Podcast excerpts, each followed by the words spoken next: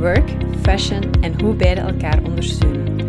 In Work Fashion Talks gaan we in gesprek met professionele vrouwen uit verschillende industrieën om te ontdekken wat work fashion voor hen betekent, hoe het hen ondersteunt in hun carrière en hoe het hen mogelijk maakt om de strijd aan te gaan met de challenges die we als vrouw nog steeds moeten aangaan in business. Graag geïnspireerd door hun verhaal, carrière en stijl.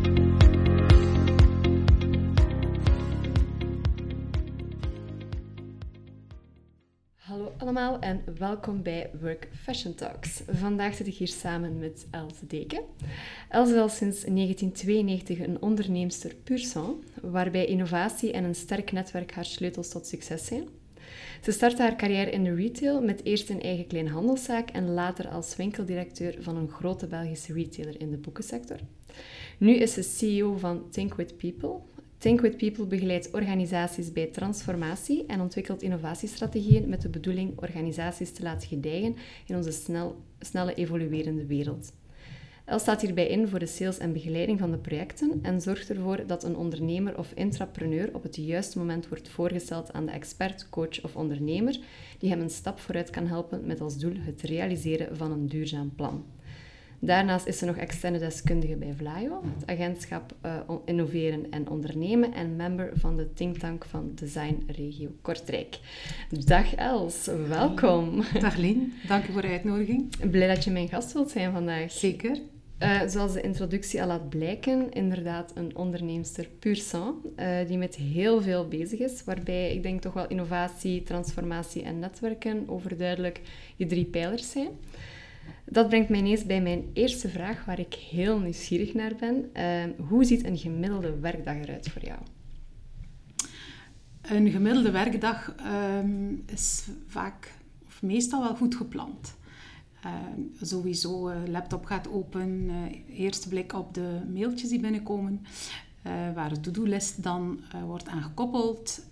Um, waar ik toch probeer elke dag een stukje ja, naar de buitenwereld te stappen, is het niet fysiek, het is online.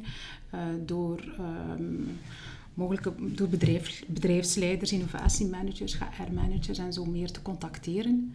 Uh, vaak niet met directe opzet om er iets aan te verkopen, hè, uh, maar om te kijken van op welke manier kan ik jullie helpen met jullie innovatieprogramma? Of welke vragen poppen erop als jullie denken over innovatie, over transformatie?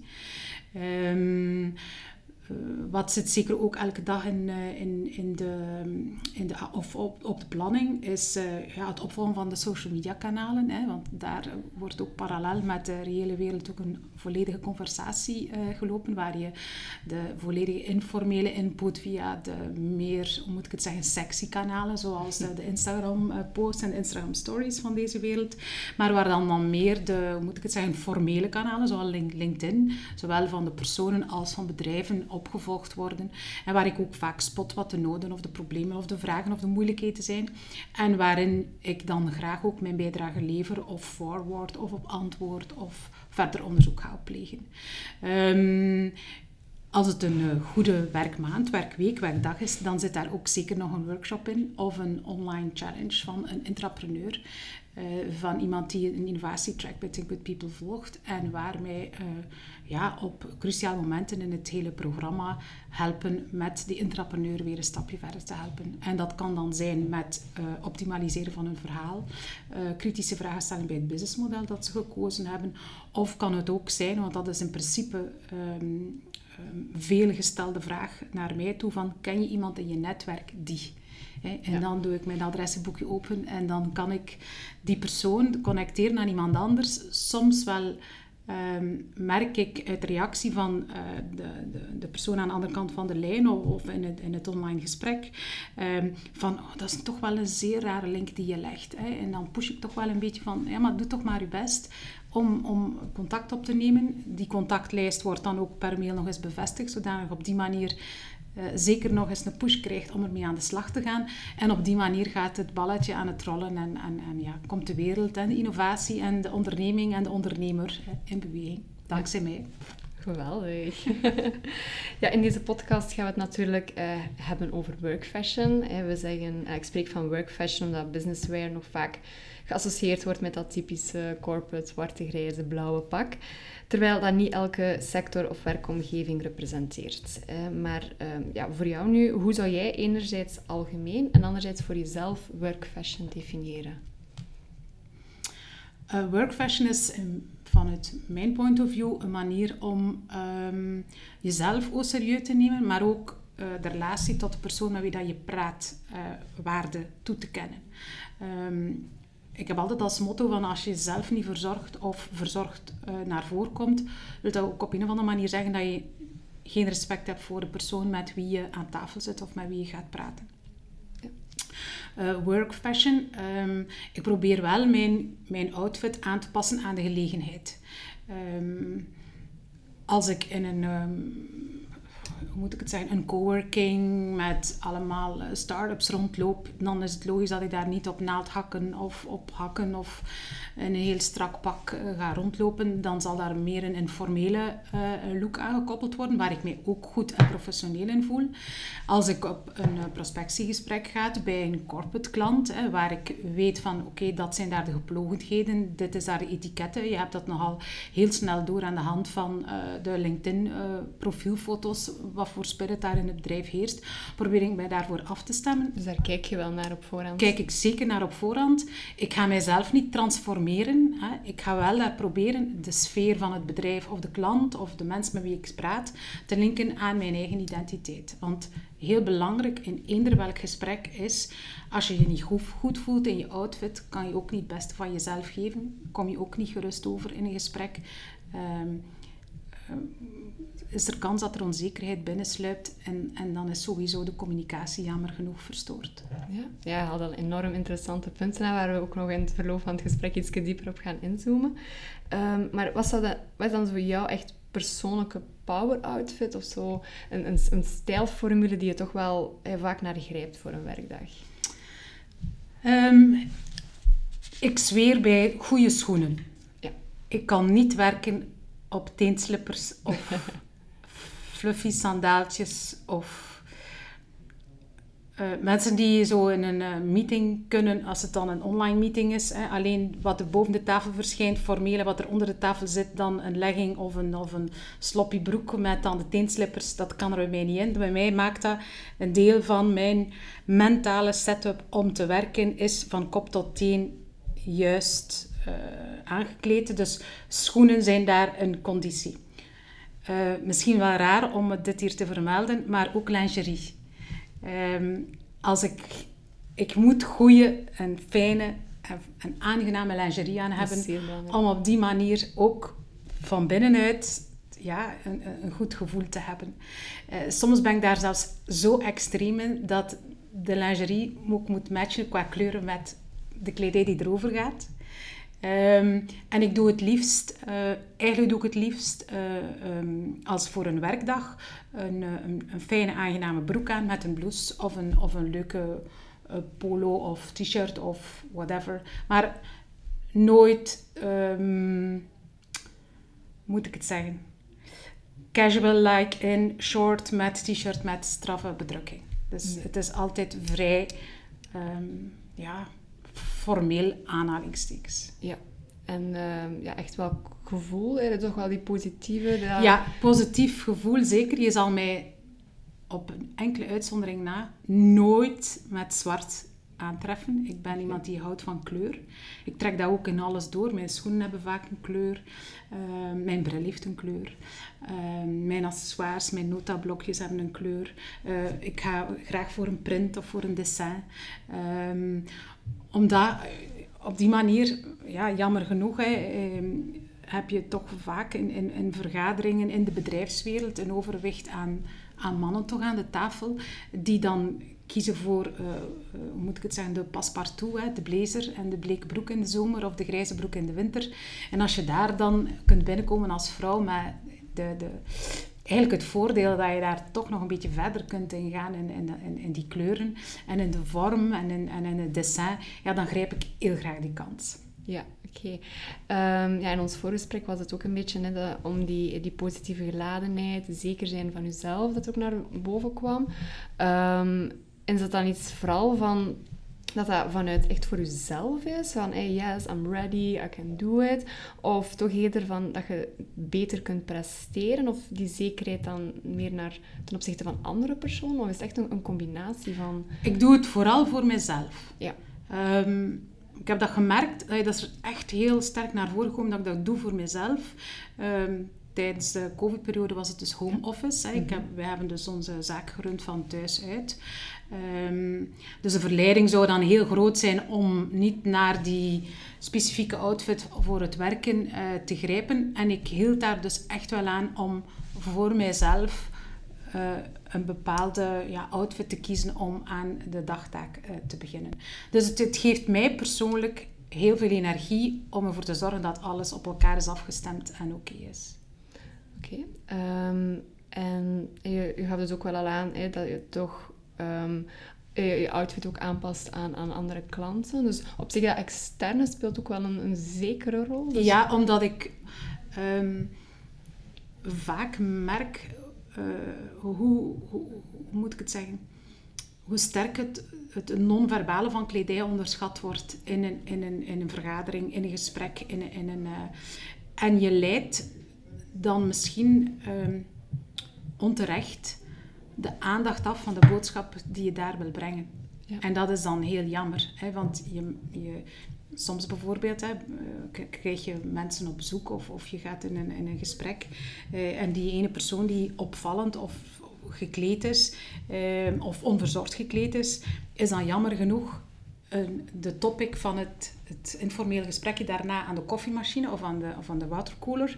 En jammer genoeg is dan niet primair de boodschap of het enthousiasme van die persoon onthouden, die ook deel van die uitstraling was. Maar het wordt gewoon teniet gedaan door, ja, doordat er uiteindelijk geen zorg is besteed aan ja, hoe zie ik eruit en, en hoe kom ik uh, visueel, als je dat zo kunt omschrijven, over.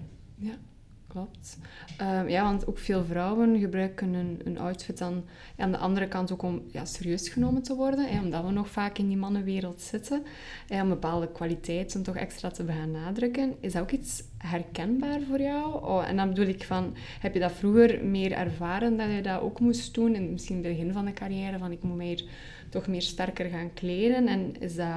Ja, dat zou ik niet durven beweren dat ik daar al mee geconfronteerd geweest ben.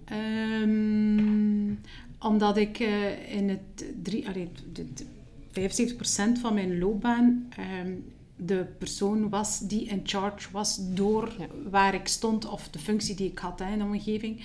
Als je eigenaar bent van je eigen zaak, dan is het nogal duidelijk, dit is de eigenaar, dus dan heb je sowieso al die status. Uh, dan uh, in functie van... Um, winkelverantwoordelijke bijvoorbeeld bij de grote boekenketel, ja, dan, jij zit aan je bureau, dan door de setup weet men al, ah, oké, dit is hè, de, de, de, winkeldirecteur. Uh, en dan later in, in, in, het, in het, uh, het verhaal van Think With People um, had ik dan het voordeel van niet de jongste meestal te zijn aan de tafel, waardoor dat je door je leeftijd een bepaalde senioriteit uitstraalt.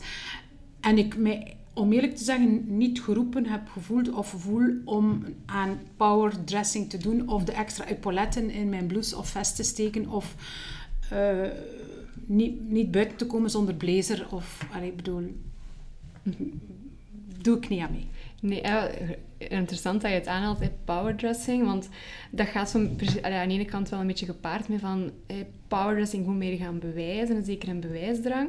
Um, maar is dat iets, um, ja, je stijl, is dat dan veranderd ten opzichte van het begin van je carrière tot nu? Dat, ja, of is dat nu echt, of is dat in alle tijden wel die authenticiteit meer dan naar boven is gekomen? Ik, um, ik merk wel dat ik door de tijd heen nog veel explicieter gaan kiezen ben voor een meer vrouwelijke look en feel. Waardoor het feit dat ik een vrouw ben, die zaak, een, een zaak runt, dat graag in de kijker zetten naar voorschrijf.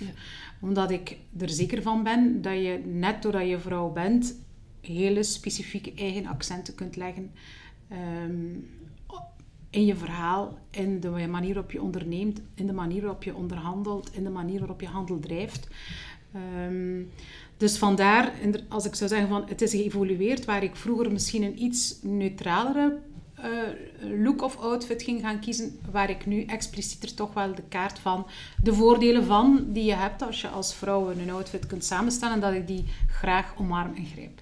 Ja, mooi. Dus eigenlijk is het wel een beetje... Ja, het was niet echt powerdressing bij het begin, maar het is toch zo meer authentieker geworden met de jaren. Ja.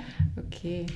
Ehm, en dat komt dan ook wel... Ik denk wel dat we dat mogen zeggen, dat dat ook komt door de mate dat je verder staat in je carrière, dat dat ook mogelijk is. Goh, mogelijk is um, door, doordat ik uh, mij beweeg aan de ene kant in heel wat uh, start-up communities, maar aan de andere kant vaak praat met de personen die verantwoordelijk zijn voor innovatie en vernieuwing binnen bedrijven, voel ik dat daar wel een, een hele andere eh, vibe uh, hangt. En waardoor dat je ja, op die, je wel op die manier kunt profileren. Oké. Ehm, ja, we zitten ook nog wel in de huidige maatschappij als vrouw dat we nog steeds moeten opboksen tegen bepaalde stereotypen, uh, vooroordelen, die toch wel nog er bewust en onbewust het gedrag van bepaalde mensen beïnvloeden. Kleding kan een manier zijn om daar strategisch mee om te gaan. Het is een manier van communicatie, dat je ook al aangehaald. Want een onderzoek heeft bijvoorbeeld aangetoond dat 80% van de zakenvrouwen, waar 80% van de zakenvrouwen had gezegd dat de juiste outfit van cruciaal belang is om een goede eerste indruk te maken tijdens vergaderingen, om geloofwaardigheid te vergroten. En vooral in omgevingen ook waar vrouwen een minderheid vormen. Aan de andere kant geeft dan ook wel 70% van diezelfde vrouwen aan dat zij ook iemand capaciteiten gaan beoordelen aan de, aan de hand van hun kleding. Ehm, hoe is jouw ervaring zo met stereotypen en vooroordelen op de werkvloer? Ik heb een, een zeer sterk ontwikkeld buikgevoel, waar ik meest op afga. Mm en dan laat ik mij eigenlijk niet zo vaak uh, afleiden door hoe die man of die vrouw is gekleed. Um, als het erop aankomt, zal ik die man of die vrouw daar wel op aanspreken van... Kijk, doordat je geen zorg draagt van je outfit op de manier dat het overkomt, heb je die en die en die kans uh, mislopen. Als dat ook mijn functie is of mijn opdracht is in dat verhaal. Anders heb ik mij daar eigenlijk niet mee te bemoeien. Hè. Um, en ik probeer mij, omdat ik dat zelf eh, voor mijzelf zwaar in het vaandel draag, uh, ik probeer mij niet te laten verleiden door die appearance van de andere persoon aan de tafel. Ja. Um, en probeer me open te stellen voor het verhaal en, en, en, en ja, de interactie die dan ontstaat. Om op die manier dan eigenlijk een juiste beeld te hebben van de persoon die in dit gesprek betrokken is. Um, maar het vraagt discipline en het vraagt een mindset van bij het begin van laat je daar niet toe leiden, want hè, wie weet wat er verborgen zit achter ja, deze façade. Maar op zich is het ook wel belangrijk dat voorkomen, maar dat is dan ook weer gekoppeld aan die vorm van respect waar je het over had. Voilà. Ja. ja. Um, ja, het onderzoek is ook gebleken dat uh, twee van de drie zakenvrouwen wel eens ongevraagd ongepaste opmerkingen uh, krijgt over hun werkkleding. Uh, is dat iets wat jij ook hebt ervaren of gemerkt dat dat gebeurt bij anderen? Dat gebeurt. Uh, ik weet niet of er evenveel studies zijn gedaan over ongepaste opmerkingen naar mannen op de werkvloer. Dat weet ik dus nu niet. Uh, maar ik, ik, heb dat zelf ook al ondervonden. Ik heb dat ook zelf al vastgesteld. En ik heb ook al tot mijn grote spijt vastgesteld dat uh, vrouwen dat laten gebeuren. En daar uiteindelijk ook niet op reageren of het, of het, het, of het laten passeren. Of als ze daar last van hebben. veel hangt af van ja, hoe zwaar dat je er zelf aan tilt of wat voor impact dat, dat heeft op je eigen persoonlijkheid. Hè. Ja, hoe zou je dat zelf, of heb je tips voor mensen die daar wel geconfronteerd mee worden, of hoe zou je het zelf aanpakken? Ik, ik, uh, ik probeer te vermijden dat de opportuniteit zich stelt. Oké. Dus uh, als er uh, um, mannen of vrouwen hè, ja. de verleiding zouden komen te staan om daar opmerkingen over te geven, omdat er iets te expliciet is, ik probeer dan wat dat betreft niet te expliciet uh, of te geprononceerd um, uh, voor een te geprononceerde outfit te gaan, waardoor dat je veel van die, dat soort opmerkingen eigenlijk vermijdt. Uh, en als het iemand is die dat dan toch nog iets vindt, dat is in principe een mens met een slecht karakter. Dus ik bedoel, dan negeer ik dat. Oké. Ehm, heb je zelf ooit de druk ervaren om op een bepaalde manier je te kleden? Nee, eigenlijk niet. Maar dat zal misschien meer te maken hebben met mijn persoonlijkheid dan met de omgeving. Maar ik heb nog geen druk ervaren om mij op een bepaalde manier te kleden. Zeker niet. Oké. Ehm, want uh, ja, soms wordt wel zo die zekere externe druk ervaren, omdat je toch, je moet aan de ene kant met je kleding, van vooral ja, binnen een bedrijfscontext, binnen de corporate branding ook wat passen, omdat je een vertegenwoordigingsfunctie hebt. En dan ook weer soms met die bewijsdrang in de powerdressing. Maar anderzijds ook die interne druk om trouw te blijven aan wie je bent, de authentic uh, dressing. Um, hoe zoek jij dan die balans? Of heb je tips om mensen dat die struggelen met die balans? Eigenlijk gebeurt die vraagstelling al veel verder dan voor het moment waar je dan moet kiezen van moet ik dan ontrouw aan mezelf zijn en trouw aan de, aan, aan, aan, aan moet ik het zeggen, ehm, de etiketten van het bedrijf. Alles begint al met te kiezen voor een bedrijf dat aansluit bij wie dat jij bent. Of, en als je al merkt bij je sollicitatie of in de context van het bedrijf of als je, je je vooronderzoek doet naar welk bedrijf ga ik werken of met welk bedrijf ga ik aan de slag en je merkt dat daar toch een cultuur is die helemaal niet strookt met wie dat jij bent, ja, dan weet je, dat kan je op een blaadje geven dat daar een clash zal komen en waardoor dat je gaat uh, gedwongen worden van, van te kiezen of waar dat je die, die ja, het, het, niet in balans krijgen van die twee, dat dat sowieso al, al, al zal verzekerd zijn. Dus als ik een tip kan geven van, net zoals als je gaat solliciteren of je gaat aan, aan de slag met een bedrijf, eh, net zoals de klant vragen stelt aan u, of net zoals uw toekomstige of huidige werkgever vragen stelt naar wie je bent, wat je doet, uh, hoe je in elkaar zit, wat dat je motivaties zijn, kan je ook zelf voldoende vragen stellen om te weten of dit wel een goede samenwerking kan worden. En ik merk dat veel mensen daar eigenlijk veel te weinig tijd en moeite en effort in steken om echt te gaan doorvragen van hoe werkt dit hier, wat zijn hier de afspraken, waarom doet men hier zo, ik stel vast dit, ik stel vast dat, ik heb gelezen een artikel over bla bla bla. En daar dan ook gewoon vragen stellen. Ik bedoel, uh, het is een plek, uh, het werk is een plek waar je meer zal thuis uh, doorbrengen dan thuis. Dus het zal maar beter een plek zijn waar je je goed voelt. Hè. En waarom denk je dat dan mensen daar toch nog problemen mee hebben om daar op door te vragen? Ik weet dat niet. Ik heb daar geen flauw idee van. Um, ik heb er echt geen flauw idee van. Ik heb dat meegemaakt in mijn eigen kleinhandelszaak. Als uh, mensen kwamen uh, solliciteren voor een weekendjob. Ik heb dat ook meegemaakt in mijn uh, functie als winkeldirecteur van, van de boekhandel merk ik ook dat mensen dat veel te weinig naar vragen. Zelfs als op het einde van een sollicitatiegesprek heel expliciet vraagt en zijn er nog vragen, zijn er dingen die ik verder kan toelichten, bla bla bla. Die vraag popt zich nooit op. Dus net zoals het altijd maar komt nadat men is veel te sterk gefocust op ik wil een job, ik wil deze job, omwille van de job, maar er is aan een job veel meer dan alleen het takenpakket.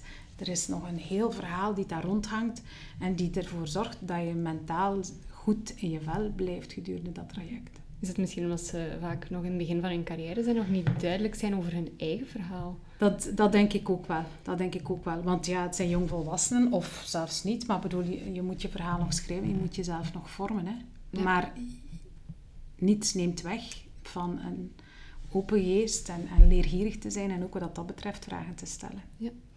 Dus dat is dan vooral over het begin van je carrière, maar hoe belangrijk is stijl volgens jou ook in de ontwikkeling van je carrière?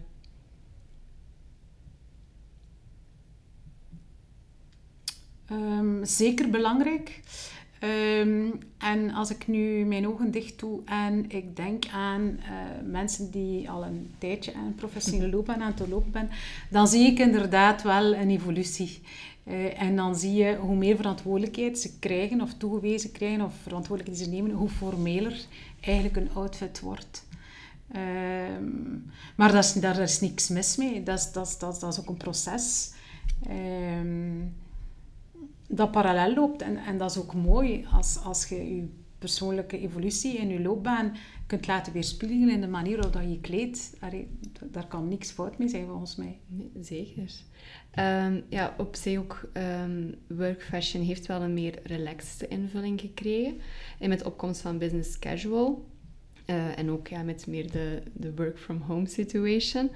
Um, maar eh, vanuit het oogpunt dat work fashion wel een zekere vorm van respect is. Wat is jouw visie dan eigenlijk op die business casual? We hebben het al wel even gehad over eh, in de start-up wereld, misschien ook in de tech-wereld past dat dan wel, maar hoe zie je dat dan in, andere industrieën?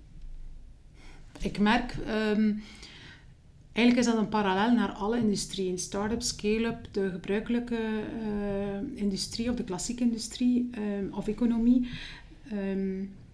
Personen die in contact komen met klanten, die zijn zich veel meer bewust van hoe kleed ik mij, wat trek ik aan s morgens. Um, mensen die geen rechtstreeks contact hebben met een klant en altijd binnen huis werken, die stellen zich veel minder de vraag. Ze zouden dat denk ik wel beter doen, want dan is de externe klant niet de, de, de, de persoon die jou feedback geeft of met wie dat je communiceert door je kledij. Maar dan zijn het wel je collega's waar je de hele dag mee werkt. En ehm, ik, ik heb ooit eens in mijn team een jonge dame gehad. Ehm, een hele fijne, hardwerkende jonge dame. Ze had twee kleine kinderen, een man met een zelfstandige zaak, dus het was altijd druk, druk, druk. Ze kwam altijd net op tijd op het werk. Ehm, dus je zag, ze had de kleren aangedaan die op de stoel hingen en zo kwam ze dan. Maar dat was ook de persoon die op de winkelvloer altijd onrespectvol behandeld werd door de klanten.